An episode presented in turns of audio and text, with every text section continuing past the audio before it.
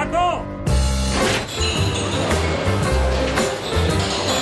Ai, calla, que és veritat que el Canut em va dir que aquest cap de setmana l'havia de trucar, que avui no podia venir al, al Tot Gira. Paco, em passes el telèfon? Trucarem al Canut. Sí. I posa'm una canya. Curteta, curteta, petita. Hola? David, Ei, Lluís, què tal? Com estem? Molt bé, et vaig dir el diumenge que no podia ser, eh? Sí, el sí, dissabte que tens sí que estava... raó. És que jo venia dissabte amb la idea- a la teva disposició. Eh, venia amb la idea que ens havíem de veure el dissabte i és veritat que com que em vaig trobar malament ahir i no vaig poder venir a fer el programa, dic, passem-ho a, a diumenge i llavors em vas dir que no, que no podies venir a l'SNAC. Com estàs, Lluís? Molt bé, mira, he estat veient el tennis i la veritat és que m'he de rendir una vegada més davant d'aquest enorme campió que és eh, Rafa Nadal. Jo ja sé que hi ha molts culers que això de que sigui Rafa Nadal del Madrid no li perdonen. Bueno, Però, però jo, jo em trec el barret. Jo sóc nadalista 100%.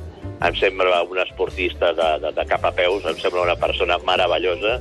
Ja no t'he de dir de tot el seu entorn familiar, del Toni, del, del Miquel Àngel, del seu pare, el Sebastià, gent fantàstica i que fan que el Rafa sigui un campió de la normalitat, un campió d'aquests que toca de peus a terra i que sigui capaç de batre tots aquests eh, registres com és guanyar una sola persona, ni més ni menys que 12 vegades un mateix eh, torneig. I deixa'm dir una cosa, Mhm. m'encanten les dades del Sergi Andreu. sí, oi? Uh, flipo amb les connexions de l'ull de Falcó, ja t'ho vaig dir l'altre dia, aquell moment de ràdio que ens va Amb oferir. Becker, amb Boris Becker. Ah, amb Becker, amb Boris Becker, l'Àlex Corretja va ser excepcional. Però tinc des d'aquí un record inoblidable per les cròniques de l'obrat Jaume Boix. Home, Eh? Jaume Boix, mira, si ens està Ah. escoltant el Jaume, que era, per aquells que no el coneguin, el redactor històric de Catalunya Ràdio que feia sempre el tennis, era l'home tennis, anys i anys, anant a Roland Tenis, Garros, a tenis París. i Roland Garros, eh? Sobretot. Sí, vivia a Roland Garros. Eh, Sí, si ens sí. està escoltant, Jaume, una forta abraçada que et trobem a faltar. Eh, ja es va jubilar fa uns quants anys i el Jaume, sí, sí, un crac, eh, un històric de Catalunya Ràdio. L'altre dia em comentava l'Aranxa Sánchez Vicario, que per cert que demà es compliran 30 anys de la primera aquella gran victòria contra Steffi Graf d'Aranxa Sánchez Vicario, Mm. la recordaràs, en el 89. Sí, sí, sí. Doncs demà es compliran 30 anys d'aquella gran victòria i em deia l'Aranxa, diu, eh, el Jaume eh, t'acabava guanyant sempre per persistència. Ah, això segur, això segur. Eh? Perquè, mm, escolta'm, ell venia de fer cròniques i de butlletins i tal, i quan tu ja t'havien entrevistat no sé quanta gent i tal, sempre acabava apareixent lo Jaume per fer l'última entrevista. El metralleta, Eh? que li dèiem. La metralleta. Sí. metralleta. Que Escolta, gran, que escolta'm, que em diu el Paco que l'hem posat aquí a la final de Roland Garros. Ja ho sé, ja m'ho va dir, ja m'ho I m'ha dit ja per això que hi ha gent, eh, que no s'ho esperava, sent avui 9 de juny, que li ha Eh. demanat taula, que li ha reservat taula per veure tres quarts de nou l'Holanda-Portugal. Ah, ah. el bueno, tema de perquè- Young tira, eh?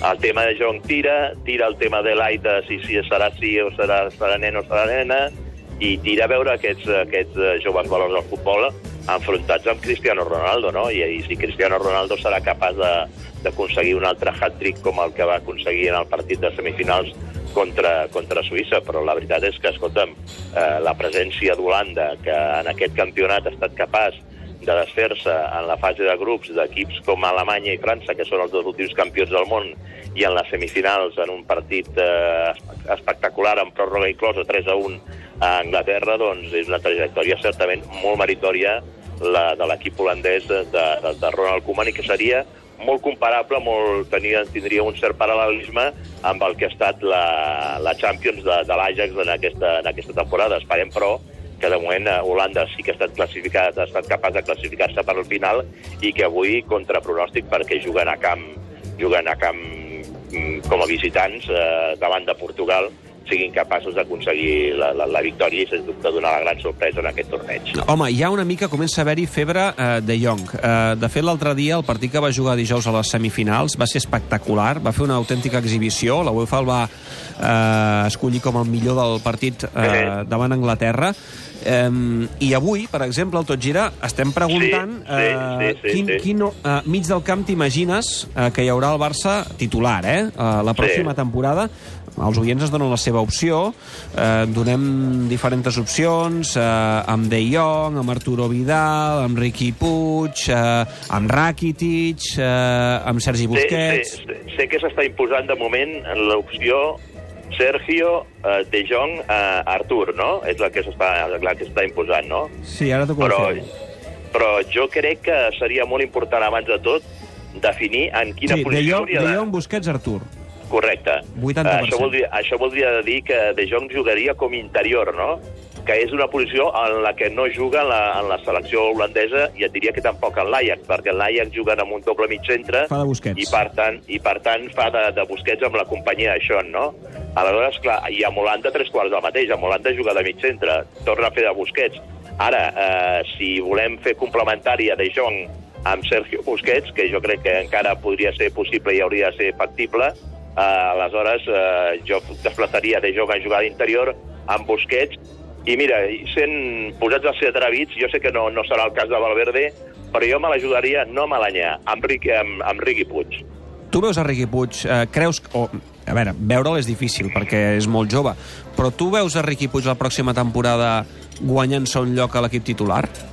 Mm, amb, amb Valverde em costa visualitzar, però crec que en definitiva seria al, al, al mig del camp, al, o sigui, al, al mig del camp amb els interiors de futur d'aquí a dos o tres anys eh, en, en el Barça, perquè jo crec que Riqui Puig és un futbolista que aporta coses diferents, és un jugador que, que no abunda, que, que no hi ha un altre per jugadors amb aquest perfil, no hi acostuma a haver gaires, i per tant jo crec que és una d'aquestes perles que de debò ha de cuidar el planter del Futbol Club Barcelona i l'entrenador que hi sigui o el que vingui, eh, a continuació a Valverde ha de pensar que el futur del Barça passa perquè Riqui Puig pugui ser l'hereu doncs, de perfils futbolístics com en la seva època, en el seu moment ho va ser Guardiola, després ho va ser Xavi, ho va ser Iniesta, aquest eh, futbolista que tant es parla de l'ADN blaugrana, doncs aquest ADN per mi el representa sobretot la figura de, de, de Riqui Puig en l'actual planter del Barça. Escolta, Canut, tu que estàs ben connectat, que sempre que entres a l'Snac Barça ens dones algun detallet de Mercato. Hi ha alguna cosa que hem d'estar molt pendents aquests pròxims dies? Perquè hem tingut dies molt tranquils a Can Barça. Mm, jo no sé si serà la setmana d'elit. De, de, ell, ell ho ha refredat, no?, en el sentit que ha dit que es volia prendre una mica més de temps en, en fer pública la seva decisió, però, però no sé ben bé eh, a quin temps es, refereix, no?, perquè ja no té més sentit això allargar-ho més, tenint en compte doncs, que ell marxarà de vacances i que els clubs que el pretenen han de fer-se una idea del que han de ser les seves plantilles, si bé o no bé. Avui mateix llegíem una informació al Mundo Deportivo que deia si no ve d'elit o si ve d'elit això condicionarà quines seran les contractacions, les inversions del Barça en, el, en, el, en aquest mercat d'estiu, de, de, perquè estem parlant d'un jugador que pel cap baix es pagarà a traspàs 80 milions d'euros i si no els inverteixes amb aquest central, doncs aleshores veurem quin tipus d'aposta fa, el, fa el Barça, perquè segurament, si no ve d'elit el Barça, jo crec que no fitxarà un altre central mm. i anirà a reforçar, anirà a gastar-se aquests diners amb, un, amb algun atacant més o en cobrir, en doblar la posició de, de, de, de Jordi Alba en la lateral esquerra. I el sufler de Griezmann puja o baixa ara? Ahir va dir, abans d'ahir va dir eh, ja sé on vaig, i on vaig eh, sóc conscient dels esforços que hauré de fer, sacrificis que hauré de fer. Jo crec que si diu això vol dir que, que es refereix sobretot al Barça, no? Mm, suposo que sí. Jo, suposo jo que crec sí. que sí, jo crec que sí, perquè aquest, aquest reaparegut interès del, del Paris Saint-Germain no, no, no, no s'ha conegut fins passades unes quantes setmanes de que Griezmann va anunciar o va fer públic que, que deixava l'Atlético de Madrid. Si ell va dir que deixava l'Atlético de Madrid, és que si va donar aquest pas, és que ja tenia alguna cosa, alguna cosa lligada amb el Futbol Club Barcelona, perquè si no, no hagués donat aquest pas de dir me'n vaig a aquest equip, del meu equip, perquè si no tinc ja alguna cosa acordada amb, amb algun altre equip i tot apuntava que seria el Barça. Per tant, jo crec que el sufler de Griezmann continua allò ben, ben inflat i el que es desinfla dia a dia amb els episodis que extrafutbolístics, extraesportius que protagonitza és, el de, és sobretot el de Neymar. Mm, um, el tema Neymar a banda, eh? perquè um, Déu-n'hi-do, déu nhi déu uh, quins embolics, uh, quins serials, uh, quins tu problemes... Tu te'n tu te recordes, David, allò que li va dir una vegada eh, un tuer a, Ronald, a Neymar, que li va dir, què quieres acabar, como, como Ronaldinho? Mm, sí, correcte. I, I porta tot el camí, no d'acabar com Ronaldinho, Ronaldinho, molt pitjor que Ronaldinho, És, eh? tu creus que acabarà pitjor que Ronaldinho? Home, que, creus, que, que, creus que no... Uh, Home, no Ronaldinho, Ronaldinho, es centrarà i, i, i tornarem a veure la seva millor versió? Jo crec que Ronaldinho eh, es va veure, la seva millor versió era millor que la que ha ofert fins ara a Neymar. Ronaldinho va arribar a ser eh, bot, eh, pi, pi, eh, pilota d'or i va ser o ha estat un dels grans mags, un dels grans genis de la història del futbol. Una altra cosa és que, malauradament, per la seva vida extraesportiva, doncs claudiqués de continuar mantenint en el cim del futbol mundial, però és que Neymar no ha arribat a assolir el nivell que va aconseguir Ronaldinho i crec, malauradament, que porta camí de caure per la mateixa pendent. Si no, hi ha, si no hi ha caigut en aquest moment ja. Sí, sí, està clar, està clar. Bé, en fi, uh, veurem com acaba tot plegat. El que passa és que tenim unes setmanes tranquil·les, veurem si la setmana que ve és tranquil·la o no, però tenim el mercat del Barça una mica aturadet, tant les entrades com les sortides, eh? També en sortides sí, estem una mica encalladets. Sí, perquè es, es parlava molt de que abans del 30 de juny el Barça hauria de recaptar una certa quantitat de, de diners per equilibrar el pressupost, però de moment aquí ni entra ni surt ningú, no? Per cert, que l'altre dia em vaig trobar el Jordi Cruyff, que saps que va estar aquí sí. per, va estar aquí amb motiu del Media Day de Correcte. la Fundació Cruyff. I vaig estar parlant amb ell una estona. Jo me'l vaig trobar la nit anterior mm. en aquest restaurant que van anar fa unes setmanes la plantilla del, del, de l'Ajax, el, el, el Mr. Porter, sí. eh?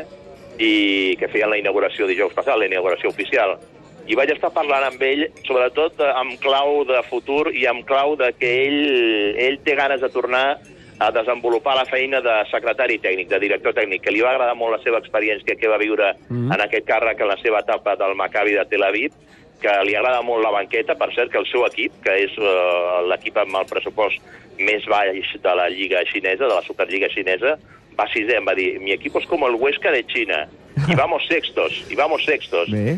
I, I em va dir, li vaig dir, bueno, i amb qui aniràs? Diu, mira, jo soy un espíritu libre. A mí que no me asocien ni con unos ni con otros. Yo voy por libre y escogeré la mejor opción que se me presente y no la que algunos me quieran imponer. Per tant, atents a quina pot ser l'opció de futur en aquestes de cara a les pròximes eleccions en el Barça de Jordi Cruyff, que jo crec que pot jugar un paper, un paper important. Home, hauria d'anar amb la porta, no? Bueno, podria, podria anar amb la porta, no? Però, però no descartis tampoc que pugui anar amb Cardoner, no? perquè, per, perquè l'únic que passa que tinc la sensació que fins ara amb l'actual junta directiva s'ha parlat de moltes coses però no s'ha concretat res, no? Yeah. I aleshores, per tant, doncs, eh, no, no ho acaba de veure clar, com tampoc acaba de veure clar molts d'aquests que, que presumeixen de ser purifistes, que s'omplen la boca a parlar de Cruyff i, en definitiva, com va dir molt bé en el seu dia Jordi Cruyff, que mm. que ha estat un, un exemple de concòrdia de la família blaugrana va dir allò tan, tan repetit de Johannes de todos. Molt bé. Uh, Lluís, me'n vaig cap a dalt, me'n vaig cap a la ràdio. Uh, setmana que ve ens tornem a veure, a veure si passen més coses a Can Barça. Vale, doncs que vagi molt bé. Abraçada. Vinga, una abraçada. Adéu. Adéu, adéu, adéu, Paco, deixo aquí el telèfon. Vinga, abraçada. Vagi al partit, adéu. Adéu, adéu.